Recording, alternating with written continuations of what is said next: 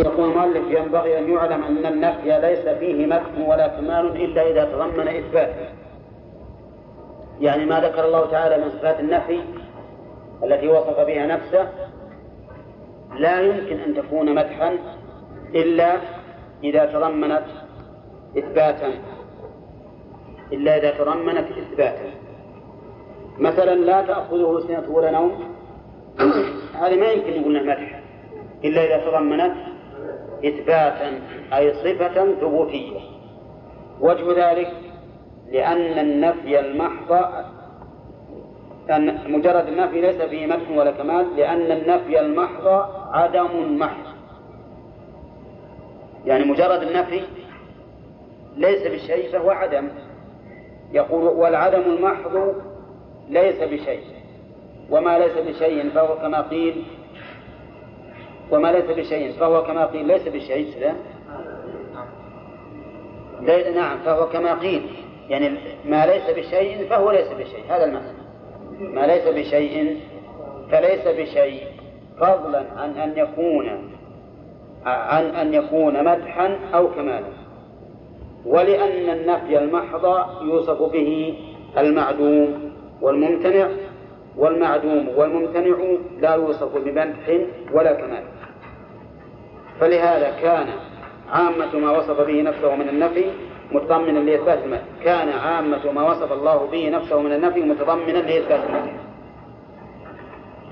القاعدة هذه في النفي نقول النفي المحض الذي لا يراد منه إثبات الكمال هذا ليس بمدح.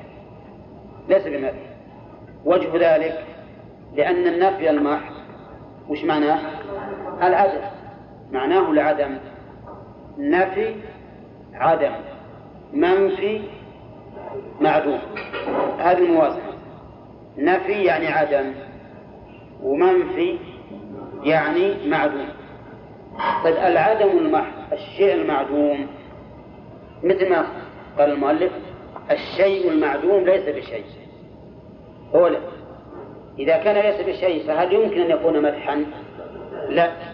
فتبين الآن أن النفي إذا لم يتضمن إثباتا فلا يمكن أن يتصف الله به. لا يمكن أن يتصف الله به لأن الم... لأن الله موصوف بصفات الكمال. فإذا لم يتضمن النفي كمالا لا يمكن أن يتصف الله به. الآن مثلا يا جماعة هذا عندما أقول هذه المروحة لا تأخذها سنة ولا نوم صحيح ولا لا؟ ها؟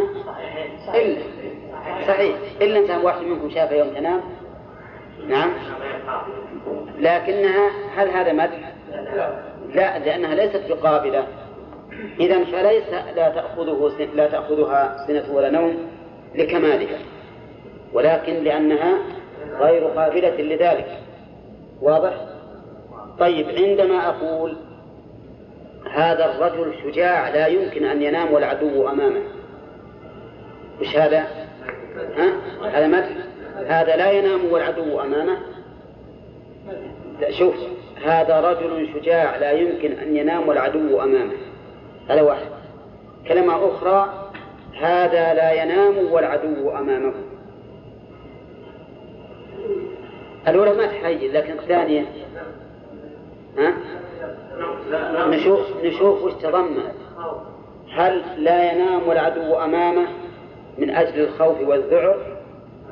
أو لا ينام العدو أمامه من أجل القوة ليقضي على عدو على عدوه؟ ها؟ إذا إذا تحتمل أمرين. إذا لم تتضمن مدحا صارت ليست مدحا. صارت ليست مدحا. ولا لا؟ ولهذا قال الله عز وجل إذ يغشيكم النعاس. في يوم بدر أمنة منه دليل على أنهم ليسوا خائفين. فالحاصل نقول النفي المحض ليس بمدح حتى يتضمن إثبات مدح. قال الله عن نفسه لا تأخذه سنة ولا نوم. لماذا؟ لكمال حياته وقيوميته. لأن الحياة الكاملة لا تحتاج إلى نوم. الحياة الناقصة تحتاج إلى نوم. لأن النوم ينقض ما سبق من تعب ويستجد نشاطا لما يستقبل. أليس كذلك؟ إذا فمعنى هذا أن الجسم أرهق فاحتاج إلى راحة. وأنه لا يمكن أن يستمر في نشاطه فيحتاج إلى تجديد نشاط فيدل النوم عليه على النقص يدل النوم على النقص.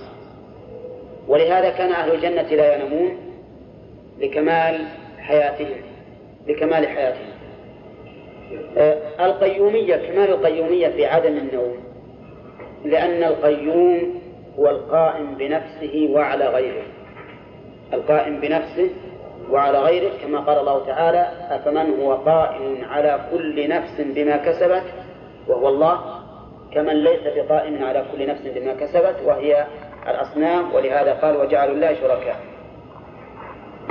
طيب القائم على غيره هل يمكن أن ينام مع قيام مع تمام القيام على غيره؟ ها؟ لا سيما وأن هذا الغير كل كائن في السماء والأرض فما دام الغير الذي الله قائم عليه كل كائن في السماء والأرض فهذه الكائنات محتاجة إلى مراعاتها وإمدادها وإعدادها وإيجادها وإعدامها في كل لحظة. فلا يمكن أن ينام لكمال إيش؟ قيوميته. لكمال قيومته قيوميته. صار الآن نفي الصنة والنوم. تضمن مدحا ولا لا؟ تضمن إثباتا ولا لا؟ ما هو الإثبات الذي تضمنه كمال حياته وقيوميته. أرجو الانتباه الآن. صار القاعدة عندنا في النفي وش القاعدة؟ أنه لا يعتبر ولا يصح أن يكون كمالا إلا إذا تضمن إثبات. هذا الإثبات الذي يتضمنه هو كمال ضد ذلك المنفي. كمال ضد ذلك المنفي. فإذا نفى الله عن نفسه النوم والسنة معناه استفدنا من هذا فائدتين. الأولى ما دل عليه اللفظ بالمطابقة وهو عدم السنة والنوم والثاني ما دل عليه اللفظ بالالتزام وهو كمال الحياة والقيومية طيب نفى الله عن نفسه الظلم. نفى الله عن نفسه الظلم. لماذا؟ لكمال عدله. لا لنفي الظلم المطلق لا لنفي الظلم المطلق. لو كان لمجرد النفي لم يكن ذلك مدحا بل ربما يكون ذما بل ربما يكون ذما وأنا قلت مثلا لو قلنا هذه المروحة لا تظلم هل في ذلك مدح لها؟ ها؟ ليش؟ لأنه عدم القابلية فلا يتضمن إثباتا أنا نقول لا تظلم لأنها عادلة. نعم. طيب لو قلنا في رجل ضعيف مهين هذا الرجل لا يظلم؟ هل هذا مدح؟ هذا ذنب.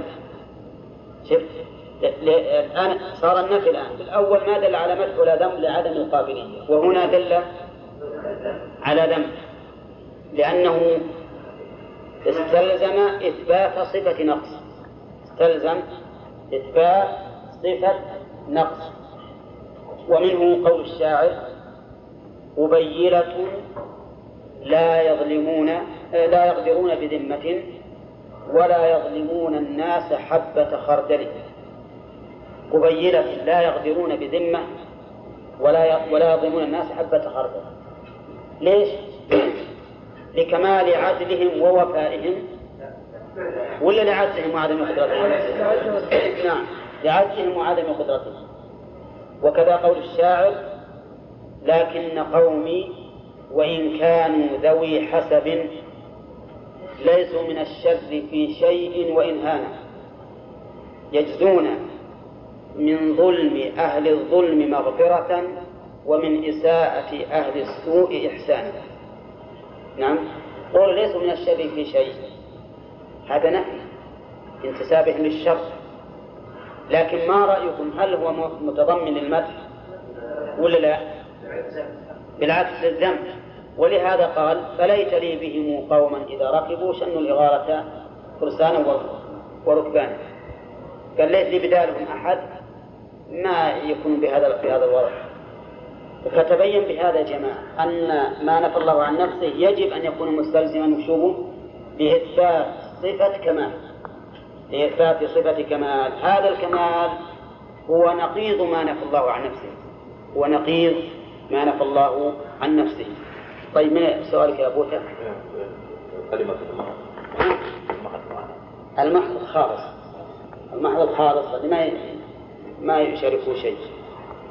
طيب يقول المؤلف رحمه الله الوجه الثاني أما قال لأن مجرد نفي ليس فيه مدح أيضا يقول ولأن النفي المحض يوصف به المعدوم والممتنع والممدوع والمعدوم والممتنع لا يوصف بمدح ولا كمال المعدوم والممتنع يوصف بأنه بالنفي المحض. تقول بل قال الله عز وجل هل أتى على الإنسان شيء من حين من الدهر؟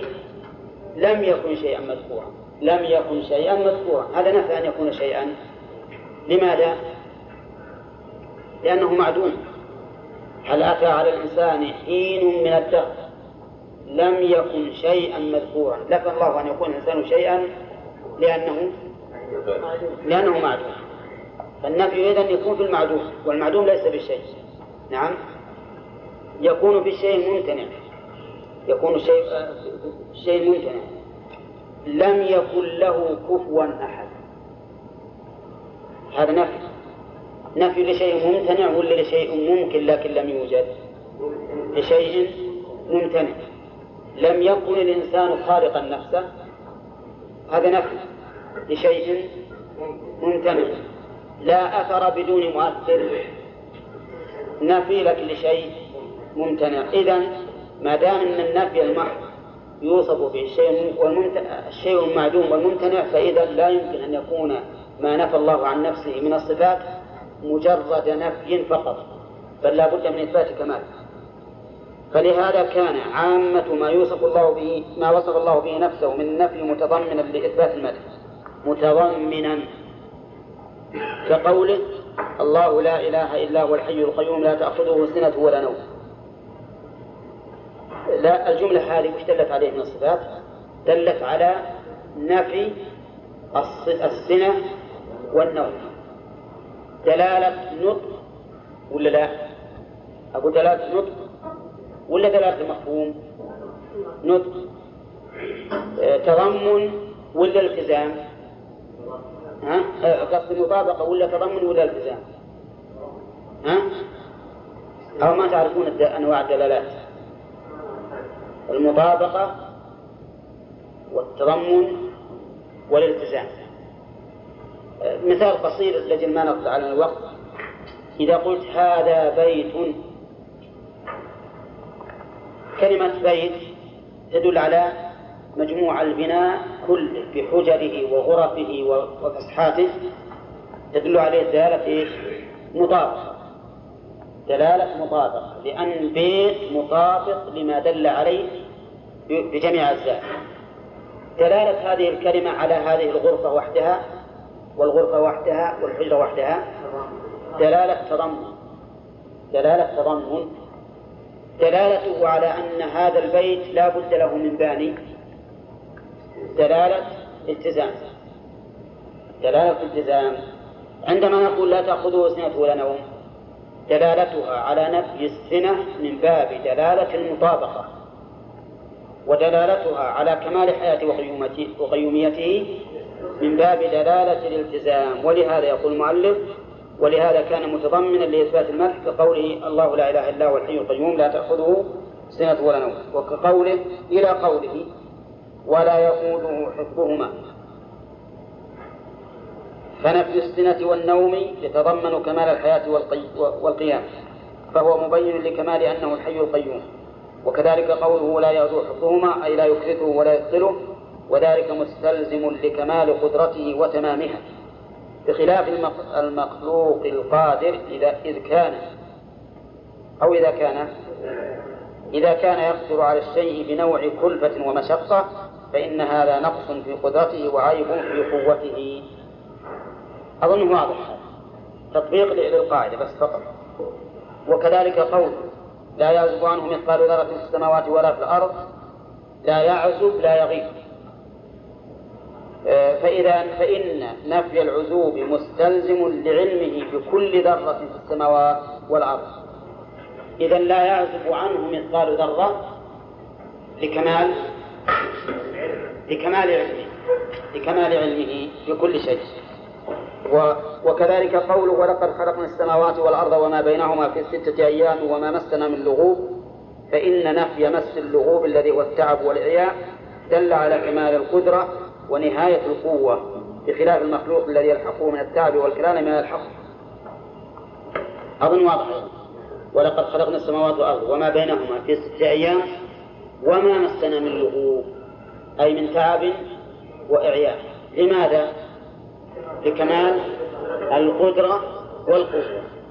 المخلوق يبني مثلا بيت لكن بتعب ومشقة ولهذا إذا عمل من طلوع الشمس إلى غروبها تجده على طول يطيح في الأرض. نعم؟ لأنه يتعب بخلاف الخالق سبحانه وتعالى فإنه لا يتعب ولا يعجز. والله أعلم. نعم.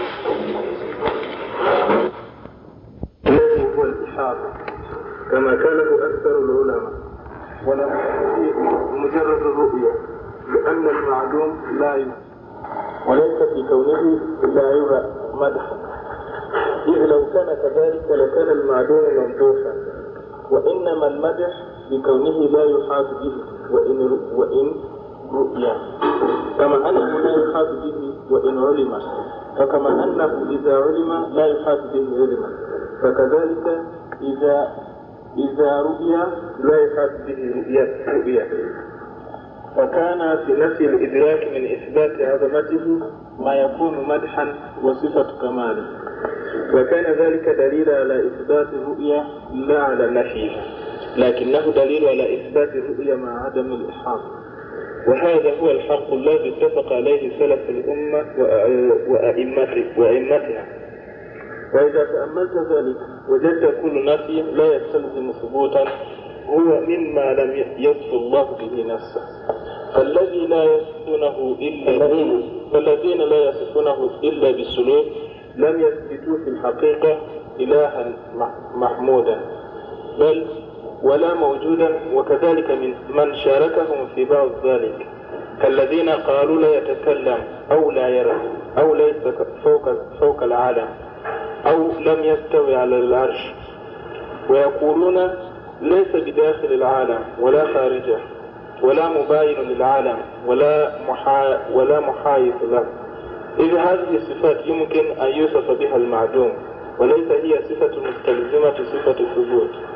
ولهذا قال محمود بن سكتي بن وبكاتاكين لمن ادعى ذلك في الخالق. ميز لنا بين هذا الرب الذي الذي تثبته وبين المعدوم. وبين المعدوم. وكذلك كونه لا يتكلم أو لا يحزن ليس في ذلك صفة مدح ولا كمال بل هذه الصفات فيها تشبيه تشبيه له بالمنقوصات أو المعدومات. وهذه الصفات منها ما لا يتصف به المعدوم إلا. إلا المعدوم ومنها ما لا يتصف به إلا الجمادات والناقص. بسم الله الرحمن الرحيم الحمد لله رب العالمين والصلاة والسلام على نبينا محمد وعلى آله وأصحابه أجمعين هذه القاعدة الأولى التي ذكرها المؤلف رحمه الله قال إن الله جمع فيما وصف به نفسه بين إيش؟ بين النفي والإثبات وذكرنا القاعدة في الإثبات أن كل ما أثبت الله لنفسه فهو صفة كمال بالنسبة بالنسبة إليه وإن لم يكن صفة كمال بالنسبة إليه وذكرنا لذلك مثلا باسمه المتكبر فإنه صفة كمال بالنسبة له وليس صفة نقص وليس صفة كمال بالنسبة لنا انتفاء النوم عنه صفة كمال بالنسبة له وليس صفة كمال بالنسبة للمخلوق. انتفاء الأكل صفة كمال بالنسبة له وليس صفة كمال بالنسبة إلينا لأن من لا يأكل يكون معتلا بمرض ومن لا ينام يكون معتلا بمرض فالخلاصة أن الله تعالى لا يثبت لنفسه إلا كل صفة كمال النفي والقاعدة الثانية كل نفي نفى الله عن نفسه فإنه متضمن لأي شيء؟ للإثبات. كل نفي متضمن للإثبات لإثبات صفة كمال. لإثبات صفة كمال. ولا يظلم ربك أحدا متضمن له لإثبات صفة كمال العدل. وما مسنا من لغوب لإثبات كمال القوة. وهكذا. ذكر المؤلف أمثلة من هذا وسبقت. ومنها قوله تعالى لا تدركه الأبصار وهو يدرك الأبصار. لا تدركه الأبصار أي لا تحيط به رؤية لأن إدراك الشيء بمعنى الإحاطة. أدركته وأحطت به. فالمعنى أن الأبصار لا تحيط به رؤية. وكلمة لا تدركه يقول إنما نفى الإدراك الذي هو الإحاطة. كما قاله كما قاله أكثر العلماء ولم ينفي مجرد الرؤية لأن المعدوم لا يرى. صح ما قال إن الله لا يرى؟ بل قال لا تدركه الأبصار. ونفي الأخص لا يقتضي نفي الأعم. نفي الأخص لا يقتضي نفي الأعم. مش معنى الأخص لا يقتضي نفي الأعم؟ يعني أن نفي الإدراك كونك ترى الشيء ولا تدركه لا ينفي أنك تراه كونك ترى الشيء ولا تدركه لا ينفي أنك تراه فقط تراه بدون إدراك. نحن نرى الشمس لكن هل نحن ندركها؟ ما ندركها. فنفي الأخص هذه قاعدة معروفة عند أهل العلم لا يقتضي نفي الأعم. سواء كان ذلك في المحسوسات أو كان ذلك في المعنويات. عندما تقول مثل فلان لا يجيد الخط. فلان لا يجيد الخط. هل معنى ذلك أنه لا يكتب؟ لا ما ما ينفع أنه يكتب؟ يمكن يكتب لكن بدون بدون إجازة يمكن يكتب بدون إجازة فلان لا يحسن التعبير. هل معناه لا يعبر؟ لا لا لا. فنفي يعني لا يجيد التعبير ولا يحسنه. فنفي الأخص معنويا كان أم حسيا لا يستلزم نفي الأعم. لا تدركه الأبصار. لم يقل لا تراه الأبصار. لو قال لا ترى صحيح. إما نفي الرؤية لكن لا تدركه أخص من الرؤية قوله مش وجه أخص؟ لأن الشيء قد يرى ولا ولا يدرك. قد يرى ولا يدرك.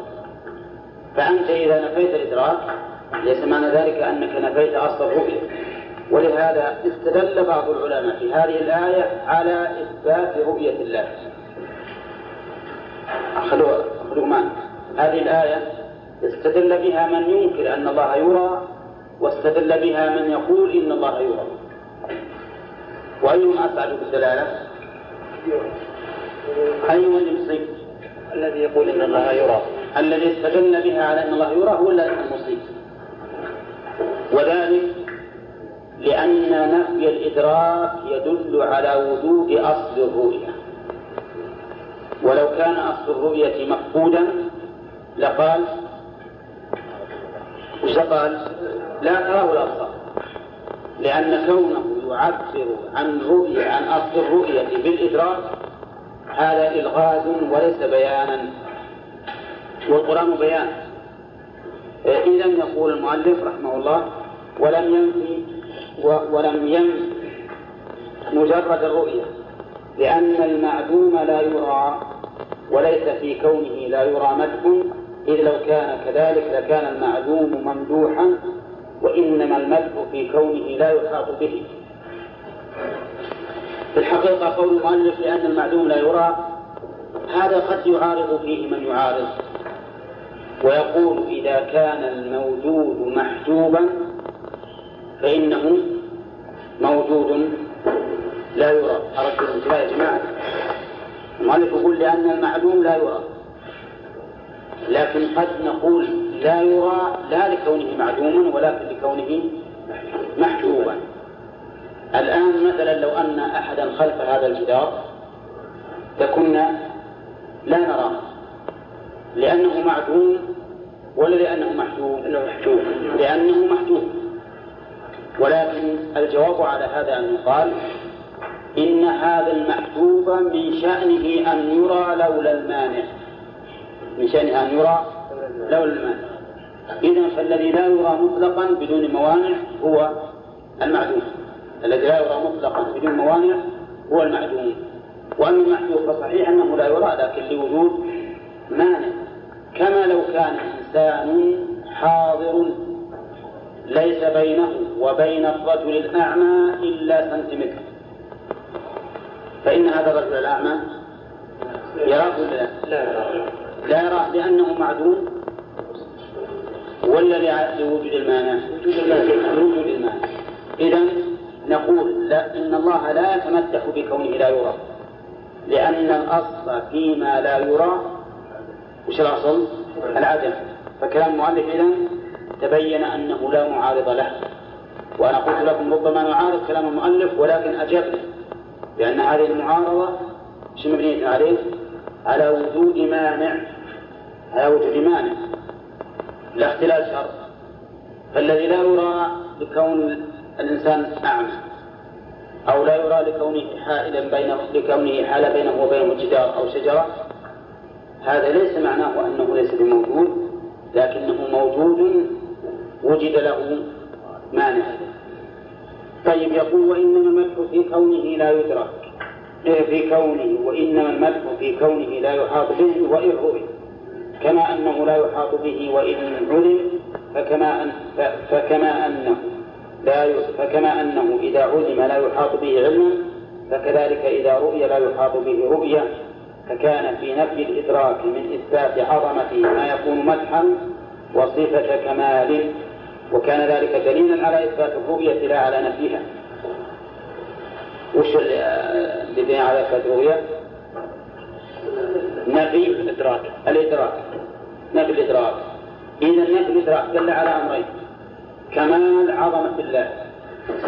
لأنه لعظمته لا يدرك. لا يدرك. ولا لا؟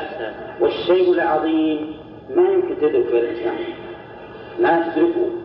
لو أن هناك جبل كبيرا واسعا أو بحرا عميقا واسعا ما استطعت أن تدركه لأي شيء؟ لعظمته. وكذلك لو كان شيئا بعيدا رفيعا عاليا أو منيرا يحجب الرؤيا أو ما أشبه ذلك ما رأيته من أجل عظمته. فنفي الإدراك الرؤيا بالنسبة لله دليل على كماله ونفي الإدراك دليل على إثبات الرؤية ووجهه لكنه دليل على إثبات الرؤية مع عدم الإحاطة وهذا هو الحق الذي اتفق عليه سلف الأمة وأئمتها. وإذا تأملت ذلك وجدت كل نفي لا يستلزم ثبوتا هو مما لم يصف الله به نفسه. ها؟ كمال عظمة الله. كمال عظمة الأمر الأول كمال عظمة الله. والثاني إثبات الرؤية. إثبات أن الله نعم. يوم القيامة إيه في يوم القيامة قال وإذا تأملت ذلك وجدت كل نفس لا يستلزم ثبوتا هو مما لم يصف الله به نفسه. وهذه سبقت من قريبا. إن القاعدة فيما نفى الله عن نفسه أنه مش أن متضمن القاعدة فيما نفى الله عن نفسه. أنه متضمن؟ إثبات صفة كمال. إثبات صفة كمال. كل ما نفى الله عن نفسه فهو متضمن لإثبات صفة كمال طيب. والذين لا يصفونه إلا بالسلوك لم يثبتوا في الحقيقة إلها محمودا بل ولا موجودا. وكذلك من شاركه في بعض ذلك كالذين قالوا لا يتكلم أو لا يرى أو ليس فوق العالم أو لم يستوي على العرش. الذين يصفونه بالسلوك مطلقا كما مر. يقول لا موجود ولا معدوم ولا جاهل ولا عالم ولا حي ولا ميت ما يصفونه إلا بالسلب. في ناس يشاركونهم في هذا لكن لا في كله مثل اللي قالوا إنه لا يتكلم. والذين قالوا إنه لا يرى. واللي قالوا ليس فوق العالم. واللي قالوا ليس مستويا على العرش. هذا لو وصفوه بأي شيء؟ في السلوك. السلوك ترى معناها النفي. السلوك جمع سلب وهو النفي. من اللي قالوا بهذا؟ الأشعرية قالوا إن الله يتكلم لكن فسروا الكلام بما ليس بكلام. إيش قالوا كلام الله؟ هو المعنى القائم بذاته بنفسه. المعنى القائم بنفسه وليس الصوت أو الحروف. فهم فسروا الكلام بما ليس بكلام. الذين قالوا لا يرى نفس الأشعرية يقولون إن الله لا يرى. مستحيل إن الله يرى لا في الدنيا ولا في الآخرة. الذين قالوا ليس فوق العالم هم أيضا الأشعرية. يقول إن الله ليس فوق العالم واللي يقول إن الله فوق العالم مجسم ممثل. نعم. طيب العلو يقولون العلو الذي أثبت الله لنفسه إنما هو علو الصفات فقط وليس علو الذات. فالذين قالوا لم يستوى على العرش من؟ الأشعرية أيضا يا جماعة وين الأشعرية يقولون إن الله لم يستوى على العرش. إيش معنى استوى على العرش؟ استولى على العرش. استولى على العرش. وليس معناه استوى عليه. وهذا قد قرأت وجه بطلان هذا التفسير ويقولون إن الله هم يقولون إن الله فوق العالم ولم يستوى العرش؟ طيب أين الله؟ يقولون ليس بداخل العالم ولا خارجه ولا مباين ولا م... ولا عندي ولا مجانب. عندكم أنتم ولا محايد؟ ولا محايد. ولا محايد له إذ إذ المحايد نعم مجانب معناه مجانب لأن المحايد معناه أن يكون في مكان آخر. وش بعد عندكم؟ إذ هذه الصفات. إذ هذه الصفات.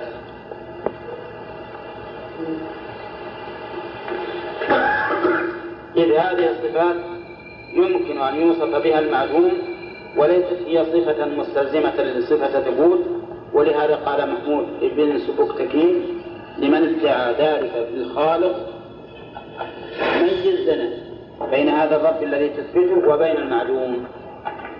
إذا قال إن الله ليس بداخل العالم ولا خارجه ولا مباين للعالم ولا محايد. وفي بعد باقي كلمتين. ولا متصل ولا منفصل. إذا قال الكلام هذا وين الله؟ ليس بموجود. له داخل العالم ولا خارجه وين يكون؟ ها؟ ولا متصل بالعالم ولا منفصل منه ولا مباين ولا محايد وين؟ هذا معدوم ولهذا قال هذا الملك المعروف قال بين لنا الرب الذي تثبته الفرق بين هذا الرب الذي تثبته وبين وبين المعدوم وكذلك كونه لا يتكلم أو لا ينزل ليس في ذلك صفة مدح ولا كمال بل هذه الصفات فيها تشبيه بالمنقوصات أو المعدومات. هذه الصفات منها ما لا يتصف به إلا المعدوم ومنها ما لا يتصف به إلا الجمادات والناقص. فمثلا نفي الكلام. قد يكون الشيء موجودا ولا يتكلم. لكن من لا يتكلم فهو أنقص من الذي يتكلم. من ليس فوق العالم. قد يكون موجود. ولكن من كان فوق العالم أكمل ممن ليس فوق العالم. والمهم أنهم لا يصفون الله بهذه الصفات إلا وهي إما صفة لمعلوم لا يوجد أو لموجود ناقص. وكل هذا والعياذ بالله قصد به الفرار من التشبيه لكن وقعوا في شر مما فروا منه. والله موفق. بسم الله الرحمن الرحيم هذا البحث الحقيقة ممكن أن نقول إنه قد سبق لنا نظيره. ولا؟ كما سيعلم من شرحه ونمر عليه مرورا يسيرا إن شاء الله. لكن الأخ العثيم سأل من هو محمود ابن سبكتكين هذا الرجل كان أميرا على الهند وما ولاها من قبل السلطان العباسي القادر بالله. وكانت ولادته كما عندي الآن سنة 361 ووفاته سنة 421 وقد ذكروا أنه كان فصيحا جيدا بليغا وأنه كان يحب أهل العلم ويحب أهل الحديث ويقربهم. وكان له انتصارات في الهند والسند وما ولاها ولهذا جعله الخليفة العباسي القادر بالله جعله سلطانا على تلك البلاد. لا أميرا فقط بل سلطانا عليها لأنه ذو كفاءة تامة. وهو رحمه الله من خير من تولى على تلك البلاد. وأما الذي قال له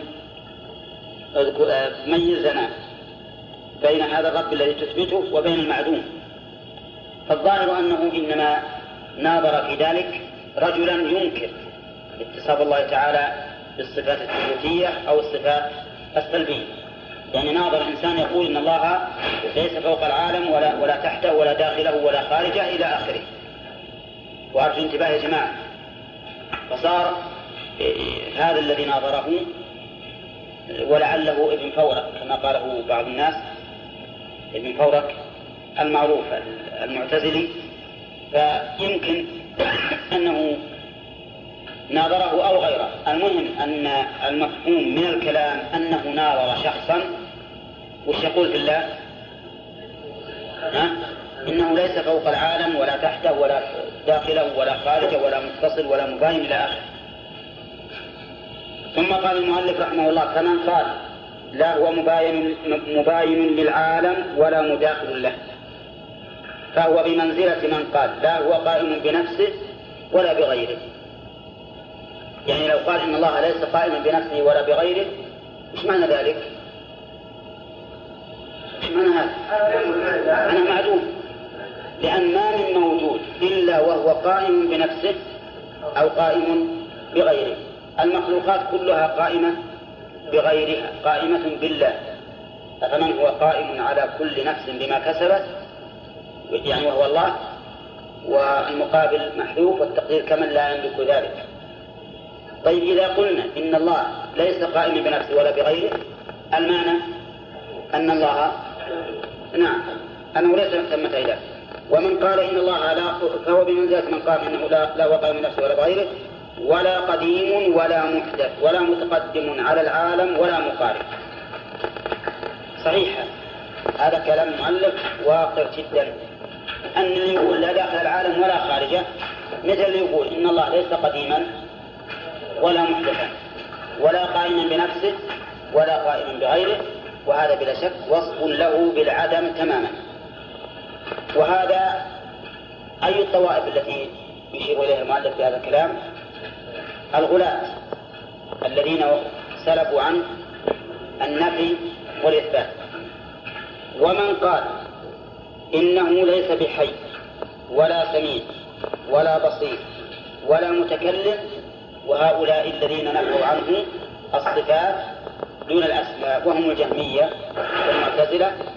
يقول لازمه أن يكون أن يكون ميتا.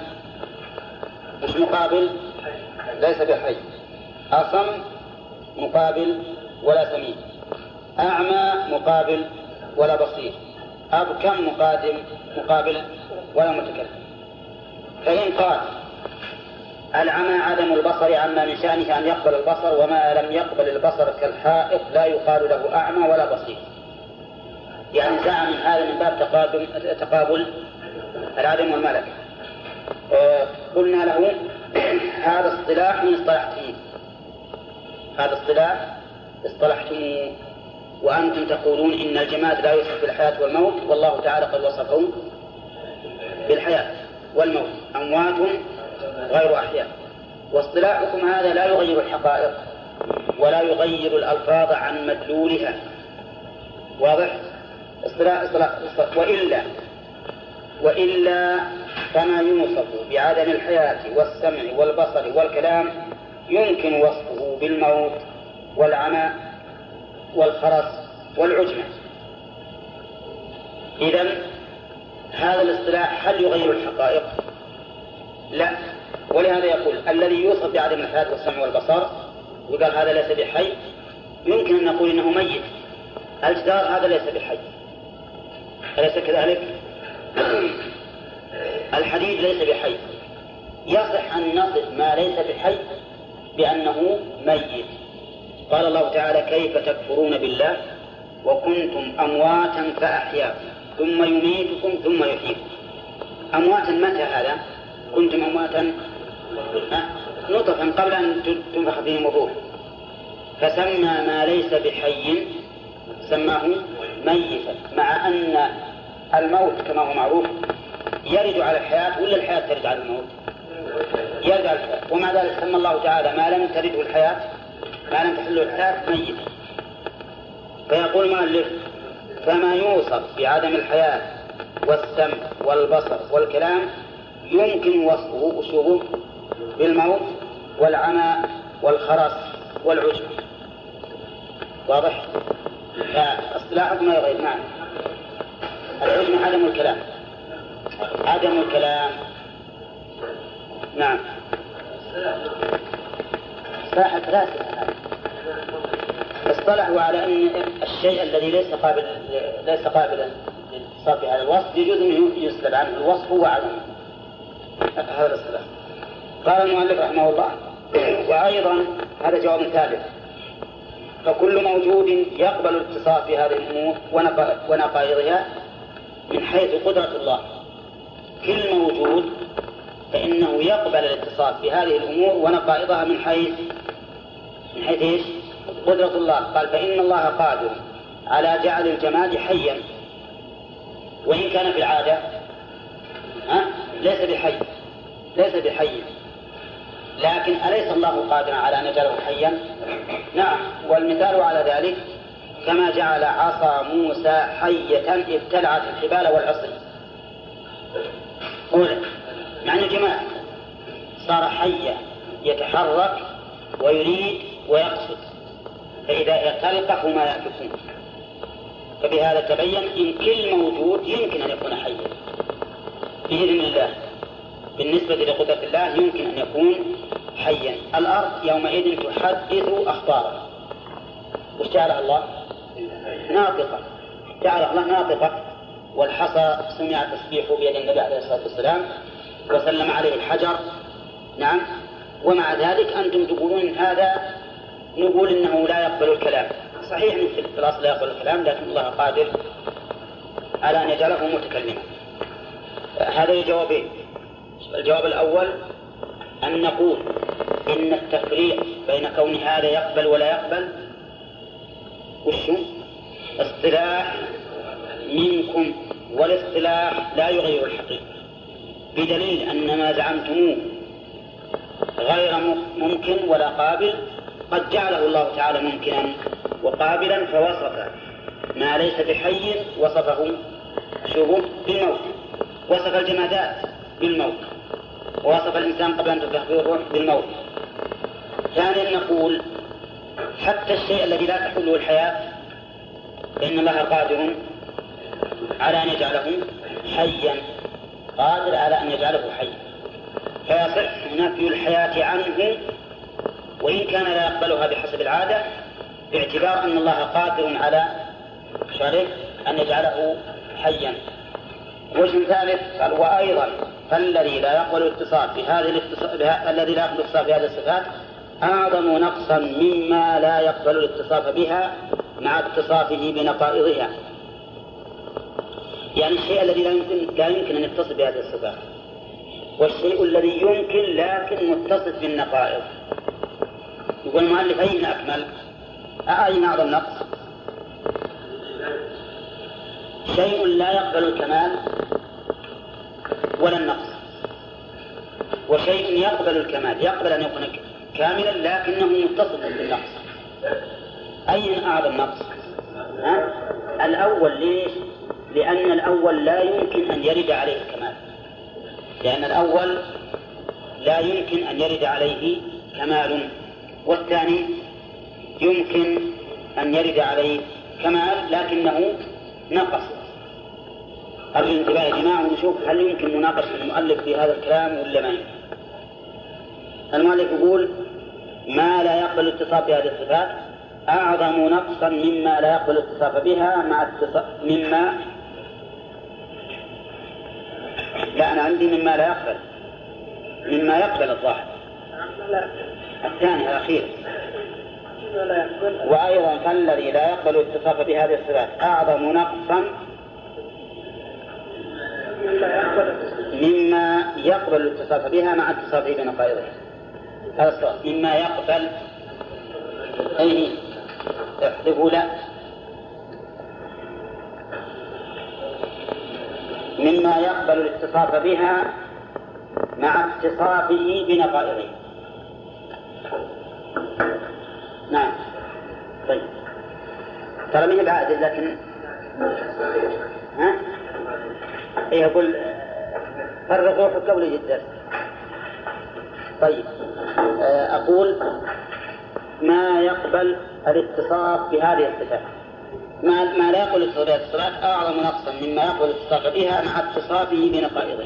مثاله الجماد الذي لا يوصف بالبصر ولا بالعم ولا العمى ولا الكلام ولا الخرس أعظم نقصا من الحي الأعمى الأخرس صحيح؟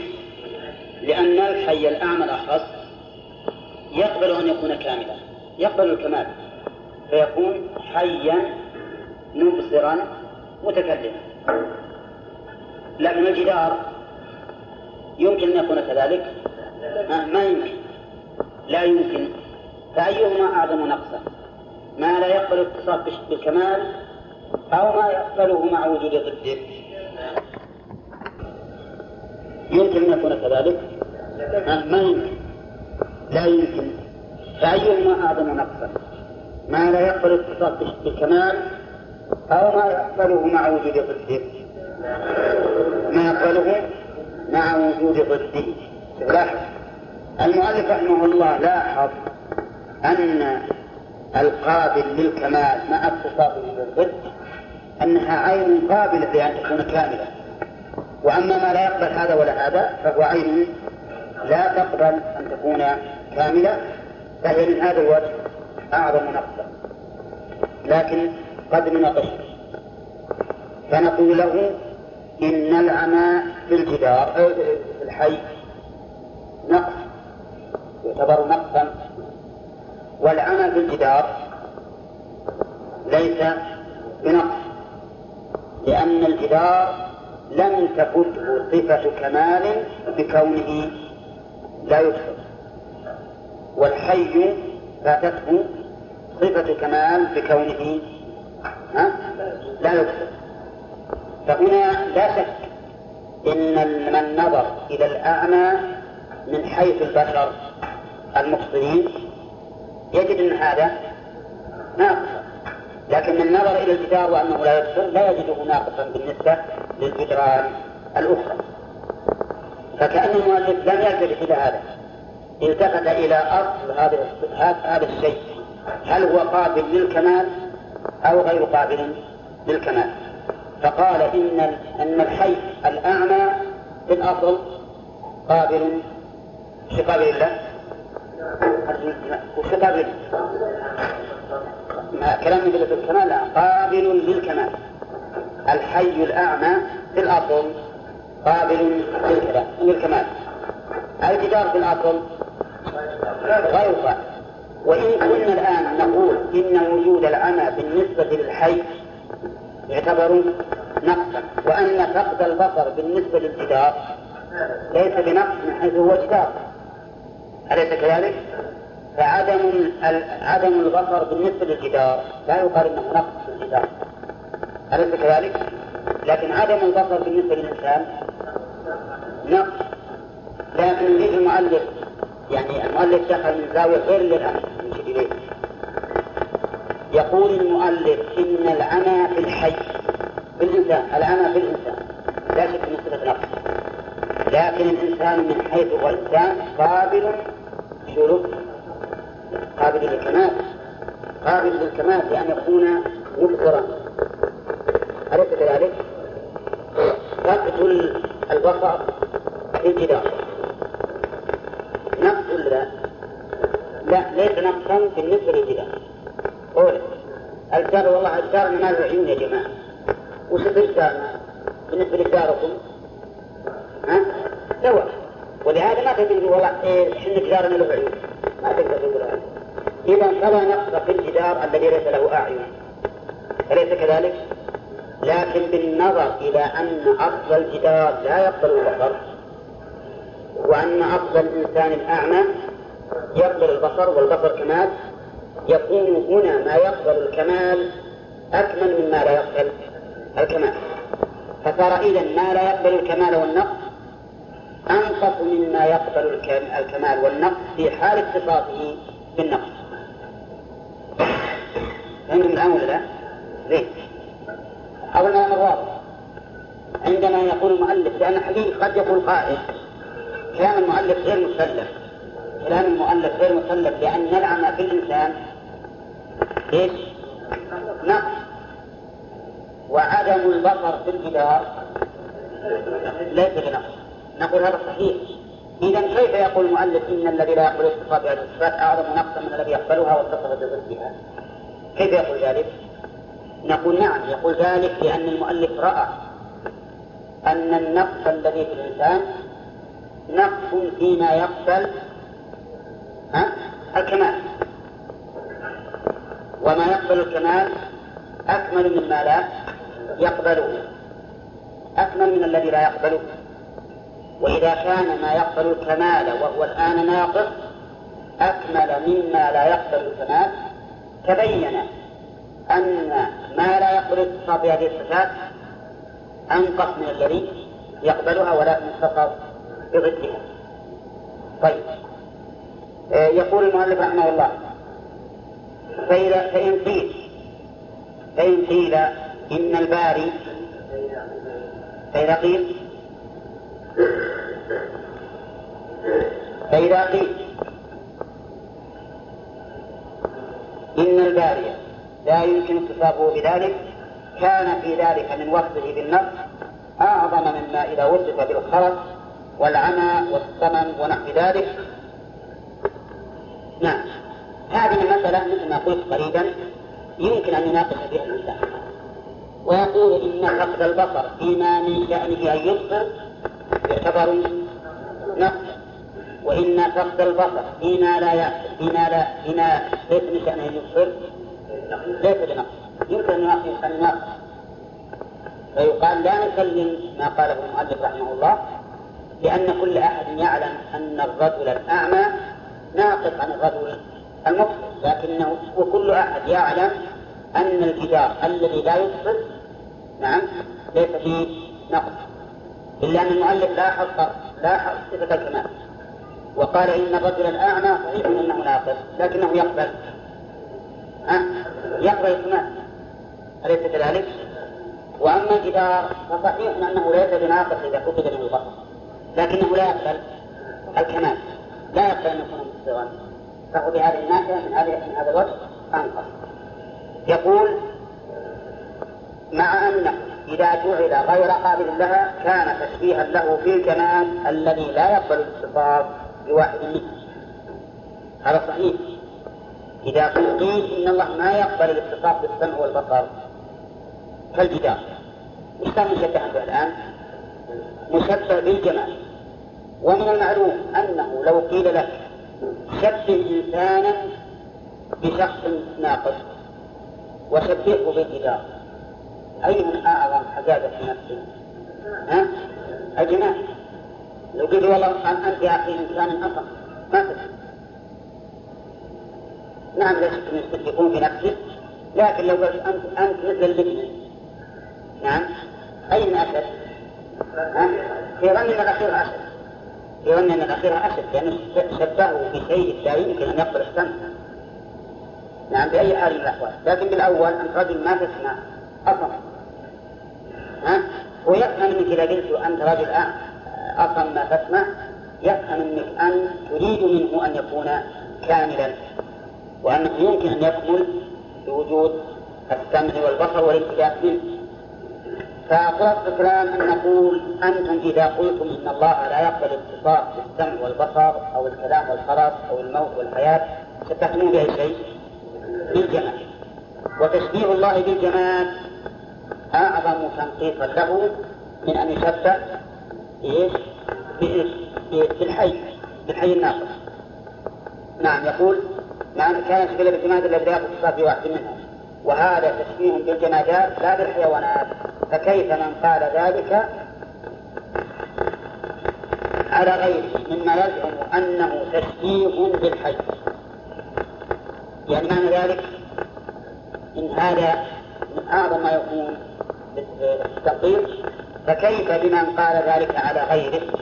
يعني مثلا الآن لو قلت لو قلت ذلك على غيره لو قلت ذلك على غيره ما غير ذلك؟ هذا يعتبر من أعظم الجنايات أن تشبه أعظم الذوات قدرا بأخفها قدرا. هذا أعظم مع أن العبارة عندي فيها فيها قلق. هل هذا صواب تغيير فكيف من قال ذلك على غير مما يزعم أنه تشبيه للحي يبين العبارة مي واضح واحد. لكن معناها تقريبا والله أعلم أن من قال ذلك على غيره يعني قاله على الله يعني على غير نفسه فإنه أعظم يكون آه، أعظم تنقصا مما يزعم أنه تشبيه بالحج يعني معنى ذلك. أن اللي شبه الله. بالجمال أعظم من الذي يشبهه شوفوا بالحي لأنهم يزعمون أنك إذا أثبت الصفات شبهت الله بالأحياء بالإنسان. فنقول أنتم شبهتموه بما هو؟ أعظم نقص وأيضا فنفس نفي هذه الصفات نقص. سواء بقطع النظر عن كونها تنفى عن من يمكن إتصافه بها أو من لا أقول الأخير هذا أظن هذا هو الثالث. آه، نفس نفي الصفات هذه. نفس نفيها يعتبر نقصا ليش؟ قال كما أن إثبات الكمال فالحياة من حيث هي هي. يعني من حيث هي حياة. نعم. لأن هي الثاني نائبة من الحياة. فالحياة من حيث هي هي أي من حيث هي حياة مع قطع النظر عن تعيين الموصوف بها صفة كمال أولى إذا الحياة نفسها كلمة حياة بقطع النظر عن كون المتصف بها فلان أو فلان أو علان هي صفة كمال. لا يستوي الأحياء ولا الأموات. طيب آه، بقطع النظر عن الموصوف وكذلك العلم والقدرة والسمع والبصر والكلام والفعل ونحو ذلك كل هذه صفات كمال. بقطع النظر عن الموصوف. به أليس هكذا؟ طيب. يقول المؤلف وما كان صفة كمال فهو سبحانه أحق أن يتصف به من المخلوقات. فلو لم يتصف به مع اتصاف المخلوقات به لكان المخلوق أكمل منه. يقال هذه الصفات التي مع الله. إنه الحياة والعلم والقدرة والسمع والبصر والكلام هنا مع غير الأشعرية لأن الأشعرية يثبتون هذه الصفات لهم إيش نقول لهم أنتم الآن إذا نفيتم هذه الصفات عن الخالق فقد نفيتم عنه صفة كمال. لأن هذه الصفات من حيث هي. بغض النظر عما اتصف بها. هي صفة كمال. فإذا قلت ليس الله بحي وقلت المخلوق حي معنى ذلك جعلت المخلوق أكمل من الخالق. وهذا شيء متعذر فالوجوه إذا هل كم تكون ثلاثة نعم. ثلاثة نعم. إيه. وكون هذا يقبل أو لا يقبل والثالث من هذه الصفات صفة تمام حيث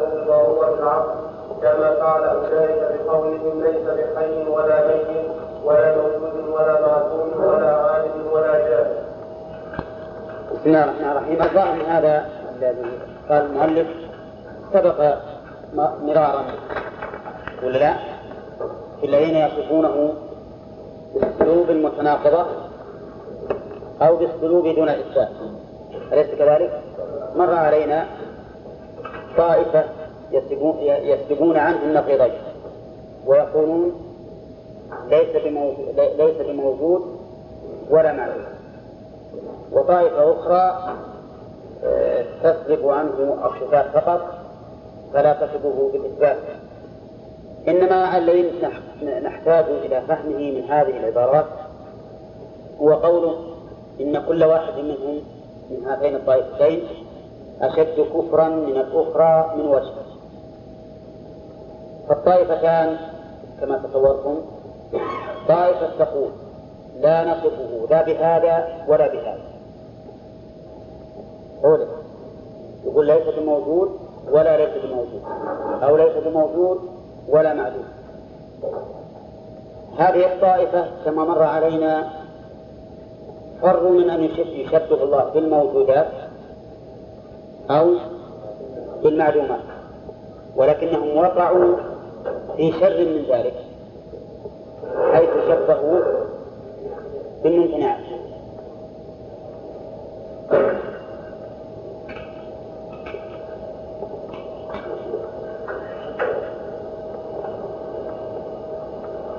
شبهوه بالممتنعات. يعني ليس يوجد شيء لا موجود ولا معدوم. فهذا كفر ظاهر وتناقض ظاهر إيه، بقي عندنا الذين قالوا إنه ليس بحي ولا سميع ولا بصير. نعم. ولا يتكلم وما أشبه ذلك. قال المؤلف إن هؤلاء أعظم كفرا من أولئك من وجه. يعني كل واحد من هاتين الطائفتين أعظم كفرا من الأخرى من وجه. فلننظر. الطائفة الأولى أعظم كفرا من هذه؟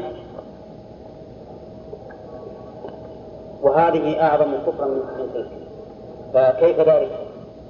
كيف كانت الطائفة الأولى التي تصفه بشيء ممتنع أعظم كفرا من هذه؟ نعم.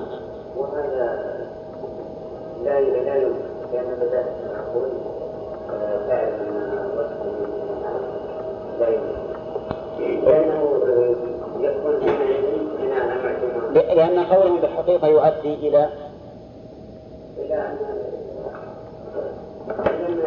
أنه ما هناك رب ولا شيء وأنه يمتنع أن يوجد رب. نعم. إذ أن الموصوف بهذه الصفات ممتنع يلزم من هذا أن يكون أن يمتنع وجود رب نعم طيب جمع عقيد الثاني أكبر الثاني أكبر آه، آه، أعظم كفرا من وجه يقولون ليس بالحي ولا السميع والحي لا يكون الانسان ربا هذا لأن الخلق ليس فيه رب يعني إذا انتفى عنه ذلك صفة الكمال هذه؟ مش لازم؟ لا. تنتفى صفة الكمال هذه مش يلزم. يلزم منها ثبوت النقص. إذا انتفت الحياة يلزم أن يكون ميت. إذا انتفى السمع يلزم أن يكون أصم. البصر يلزم أن يكون أعمى. وهذا أشد كفرا من أولئك من وجه آخر. حيث إنهم وصفوا وقالوا على قولهم يجب أن يكون الله متصفا بالنقص. نعم؟ لأن ضد الحي الموت ميت وضد السميع الأصم وضد البصير الأعمى. واضح؟ طيب. أورد المؤلف ما كرر إيراده هذا أعظم لأنه وصفوه بالعيب والنقص. أثبتوا ربا لكن موصوفا بالنقص والعيب. فهؤلاء أشد كفرا من الأولين من هذا من هذا الوجه. من جهة إثبات الرب أقل لكن من جهة أنهم وصفوا بالنقص أعظم. أولئك من جهة عدم الإثبات أعظم من هؤلاء. لأنهم يعني أنكروا أن يكون يعني وصفوا الله بوصف لا يمكن أن يكون موجودا. لا يمكن أن يكون موجودا. طيب. أورد المؤلف ما سبق إيراده من أن هؤلاء يجيبون عن قولهم بأننا ننفي عنه النقيضين لأنه ليس بقابل لهما ونفي النقيضين عما ليس بقابل. ممكن ولا لا؟ ها؟ نفي النقيضين عما ليس بقابل لهما. ممكن. أولا فيقولون نحن نصف الله بنفي النقيضين لأنه غير قابل لهما. فنقول أنتم الآن فراركم من إثبات الصفات صار إلى شيء أشد نقصا. لأنه كما مر ما يقبل الاتصاف بالكمال أكمل مما لا يقبل الاتصاف بالكمال فأنتم الحقيقة الآن وإن شبهتموه وإن زعمتم أنه غير قابل فإنه في الحقيقة وصفتم الله بما هو أنقص نعم. وين راح؟ طيب. وكذلك من ضاع هؤلاء وهم الذين يقولون ليس بداخل العالم ولا خارجه. وهذه مرت علينا أيضا. فإذا قيل هذا ممتنع في ضرورة العقل كما إذا قيل ليس بقديم ولا محدث ولا واجب ولا ممكن ولا قائم بنفسه ولا قائم بغيره قالوا إنما يكون هذا إذا كان قابلا لذلك والقبول إنما يكون من المتحيز فإذا انتفى التحيز انتفى قبول هذين المتناقضين. أفهمتم الآن؟ كلمة من إيش؟ من دوني وكذلك من داخل. من ضاها ضاها يعني شابه. ضاها مثل يضاهئون قول الذين كفروا يشابهون طيب ثم قال فيقال لهم علم الخلق بامتناع الخلو عن هذين النقيضين هو علم مطلق لا يستثنى منه موجود. يعني أن الخلق الخلق كلهم يعلمون بأنه يمتنع الخلو من هذين النقيضين. وش الوجود والعدم. ممتنع أن يكون الشيء لا موجودا ولا معدوما ولا حيا ولا ميتا وهكذا فهذا العلم هل يستثنى منه شيء؟ نعم. أن يكون قابل غير قابل؟ أبدا. كل شيء فهو قابل للوجود والعدم. وقد سبق أن تقابل الوجود والعدم من باب تقابل السلب والإيجاب للعدم والملك. فلا يمكن لأي مخلوق يدعي أنه يمكن خلو الأشياء عن هذين قال والتحيز المذكور الآن أما هم يقولون يلزم التحيز. يلزم التحيز. معنى التحيز أن يكون الشيء منحازا في حيز. وحيز الشيء ما أحاط به. نعم. يقول المؤلف مبينا التفصيل في كلمة التحيز.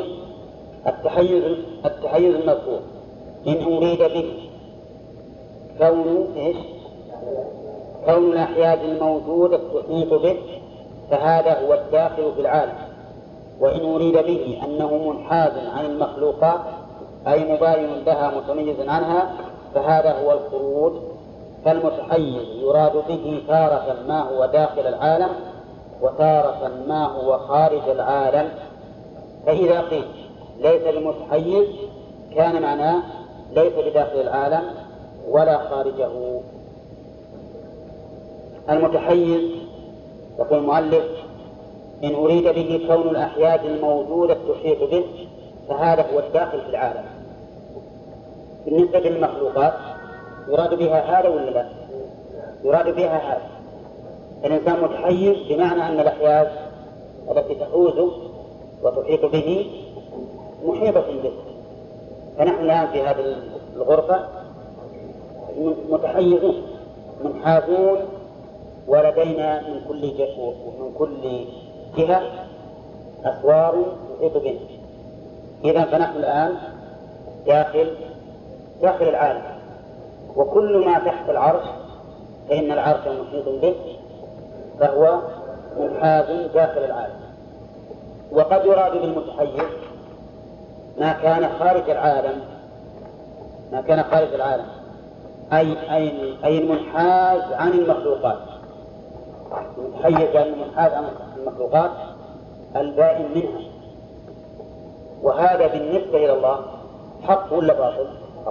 حق. لأن الله تعالى مبين المخلوقات فهم إذا قالوا ليس بمتحيز وش يلزم من قولهم؟ أن لا يكون داخل العالم تحيط به الأحياز ولا خارج العالم منحاز بائن عن العالم. فيلزم على قولهم أن لا يكون ثمة رب لأنهم الآن إذا قالوا ليس بمتحيز على الإطلاق هكذا أطلقوا ولم يقولوا ليس بمتحيز انحيازا تحيط به الأحياز فإنه معنى ذلك إنكار أن يكون الله داخل العالم أو خارجه وهذا في الحقيقة هو التعطيل المحض واضح طيب. وقد مر عليكم في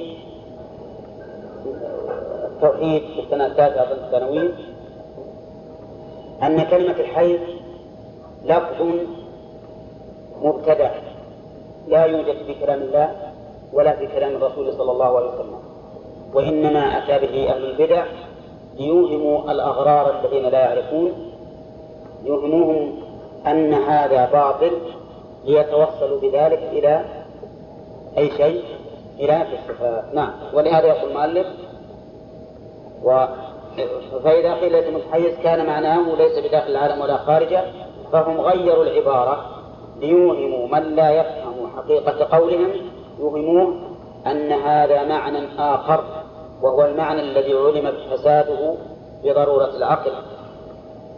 كما فعل أولئك بقولهم ليس بحي ولا ميت ولا موجود ولا معدوم ولا عالم ولا جاهل. خلاصة القاعدة هذه يا جماعة وش الخلاصة فيها؟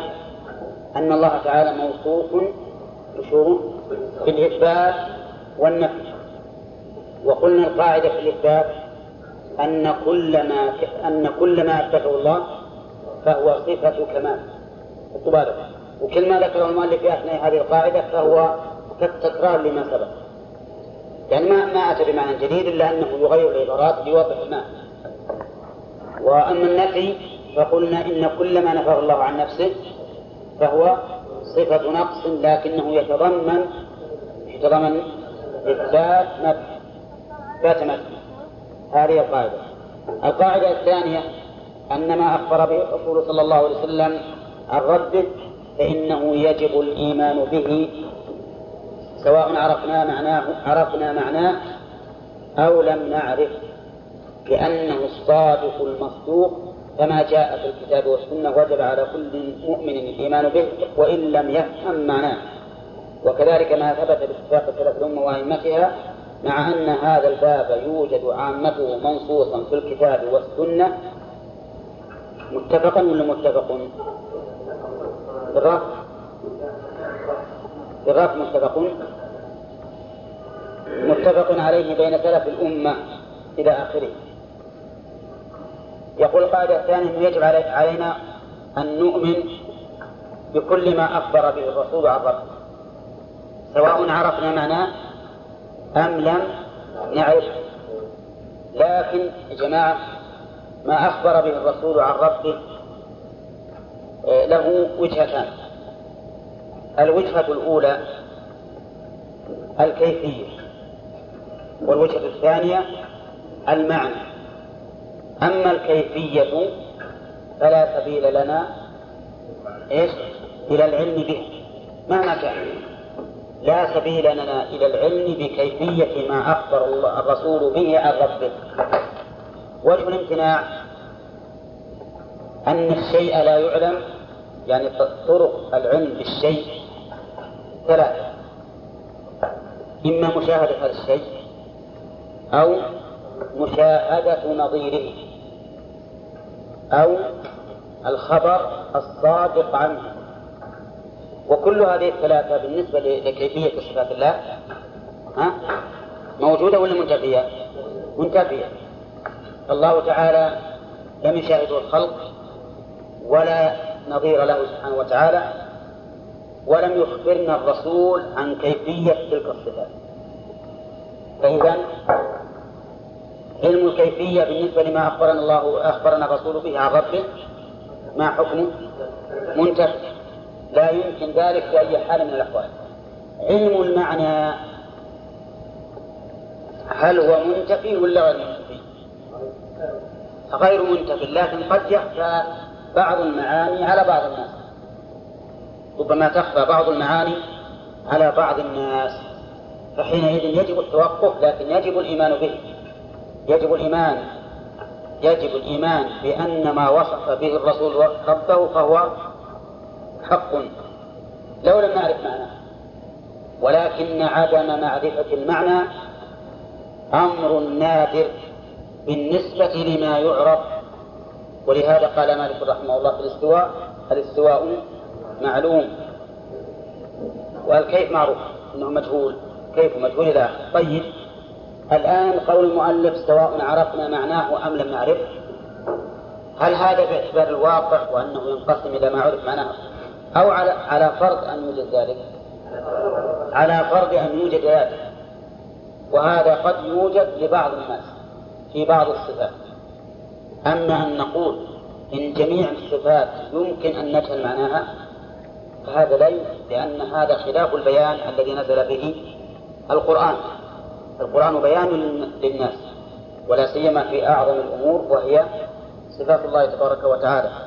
نعم. فالمؤلف يقول فرضا آه، لأنه الصادق المصدوق. ما الفرق بين الصادق والمصدوق؟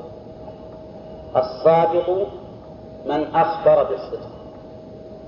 أي بما يطابق الواقع. والمصدوق من أخبر به. من أخبر به. يعني بالصدق. يعني الذي أخبر بما إيش؟ بما يوافق الواقع. لأن الصدق موافقة الواقع والكذب مخالفة الواقع. فحدثنا رجل عن أمر بأنه وقع وهو لم يقع. هذا صدقنا أو كذبنا؟ كذبا نعم. رجل أخبرنا بأمر واقع فكان كما أخبر. نقول هذا صدقنا. فنحن مصدوقون وهو صادق. فصار الفرق بين الصادق والمصدوق. الصادق من أخبر بالصدق من أخبر بالصدق. كذا؟ من أخبر بالصدق. الصادق من أخبر بالصدق. والمصدوق من أخبر به طيب يقول فما جاء في الكتاب والسنة وجب على كل مؤمن الإيمان به وإن لم يفهم معناه. وكذلك ما ثبت باتفاق سلف الأمة وأئمتها يعني فيجب علينا أن نؤمن به لأن الإجماع في هذا الباب حجة. قال مع أن هذا الباب يوجد عامته منصوصا في الكتاب والسنة. ما يعني بهذا الباب؟ ما أخبر به الرسول عن ربه نعم. منصوص مع عامته منصوصا في الكتاب والسنة متفق عليه. هذا خبر ثاني لأن وكان الذي نتوقع أن يكون بالنص يوجد منصوص عليه متفقا عليه. هذا الذي نتوقع لكن إذا كانت النسخ عندكم كلها بالرفض يمكن أن تكون خبرا ثاني لقوله أنه مع أن هذا الباب يوجد عامته يكون تقريب مع أن هذا الباب أيضا متفق عليه بين سلف الأمة.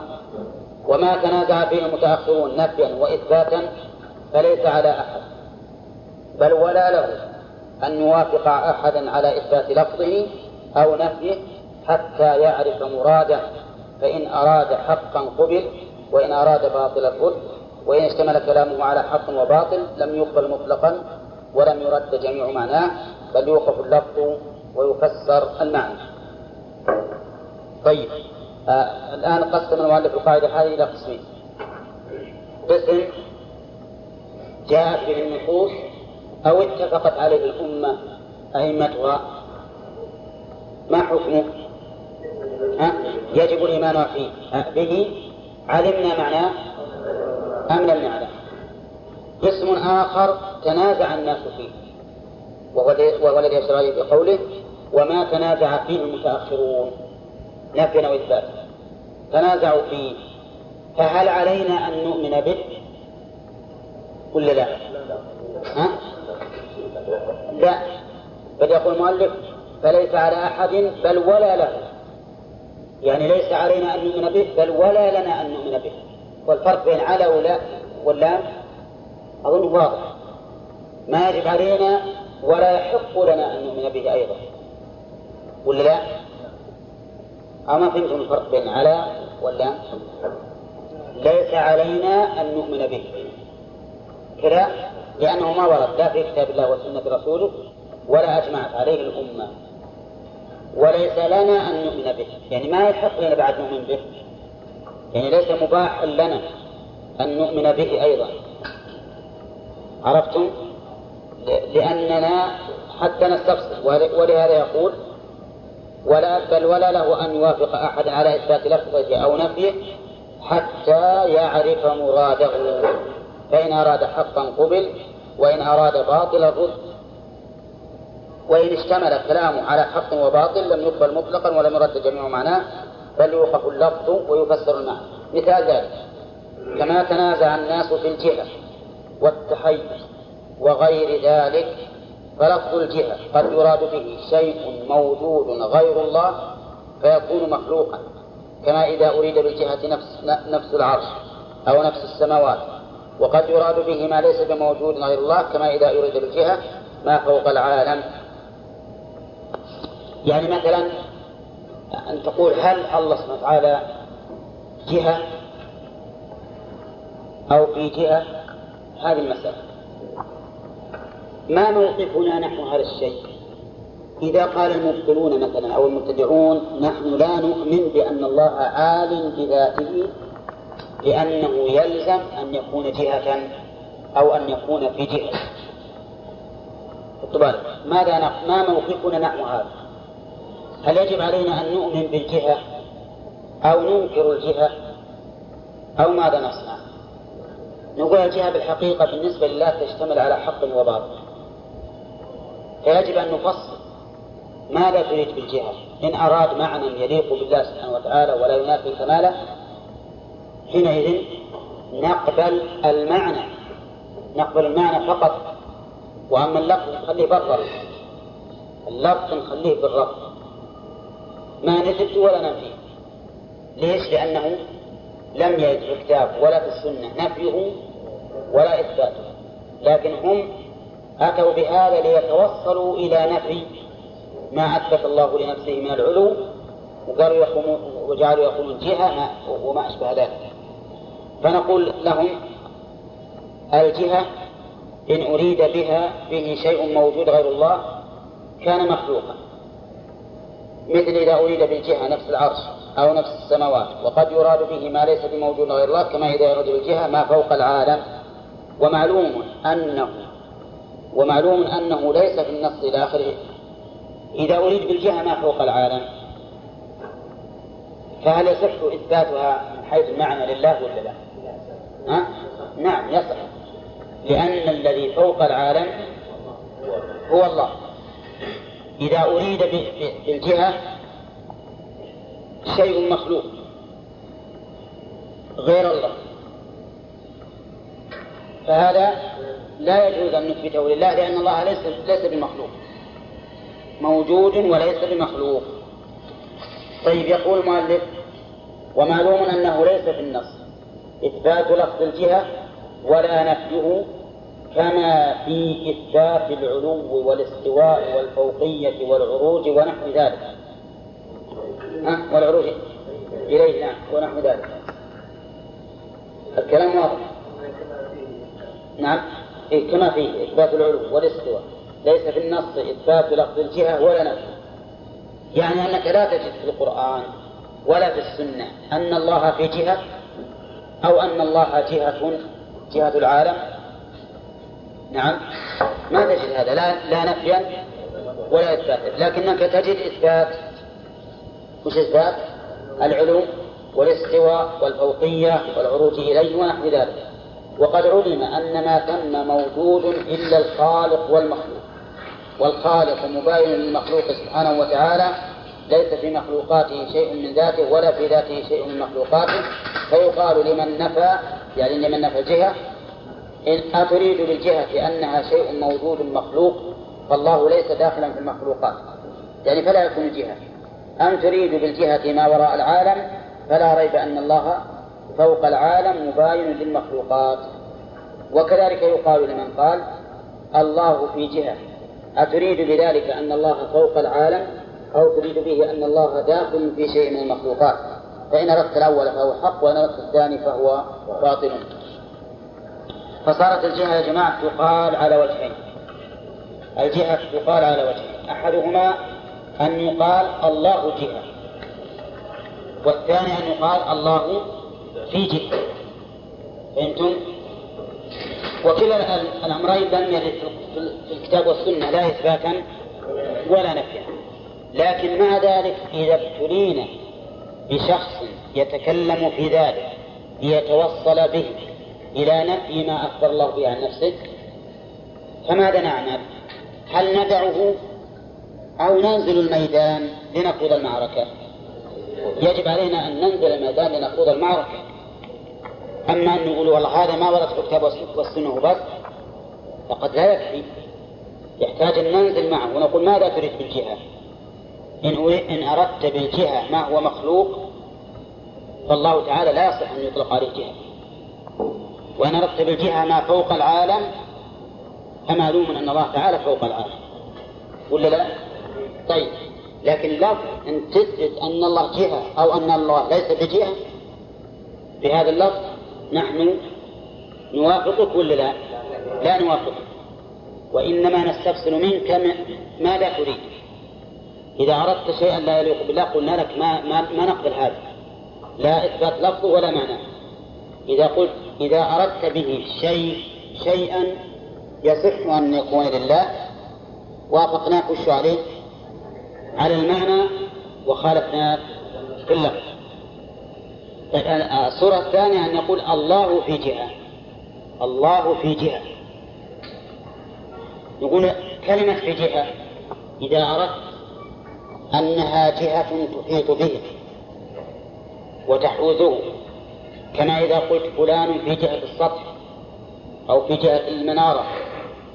فالمعنى أن المنارة تحمله والسقف يحمله وتحيط به. إذا أردت بهذا الجهة هذا المعنى؟ ها؟ باطل ولا حق؟ باطل. باطل بلا شك. إذا يكون باطلا إثباتا إثبات اللفظ أو, أو المعنى. وإذا أردت بالجهة أن الله تعالى في جهة علو لا يحيط به شيء من مخلوقاته. فهي حق ولا باطل؟ نعم حق. ولكن ولكننا مع ذلك لا نقول إن الله في جهة. لا نقول الله في جهة. لأن الله سبحانه وتعالى أتى بدلا عن في جهة بدلا عنها؟ بالعلو والاستواء العرش والفوقية وما أشبه ذلك. فنحن في غنى عن هذا اللفظ. وأقول لكم أيضا كل شيء يحتمل معنى وباطلا تجدون أن الله لم يثبته لنفسه. كل شيء يتضمن حق وباطل فإن الله سبحانه وتعالى لا يثبته لنفسه. نعم؟ لأن الله تعالى متصف بصفات الكمال. والله أعلم.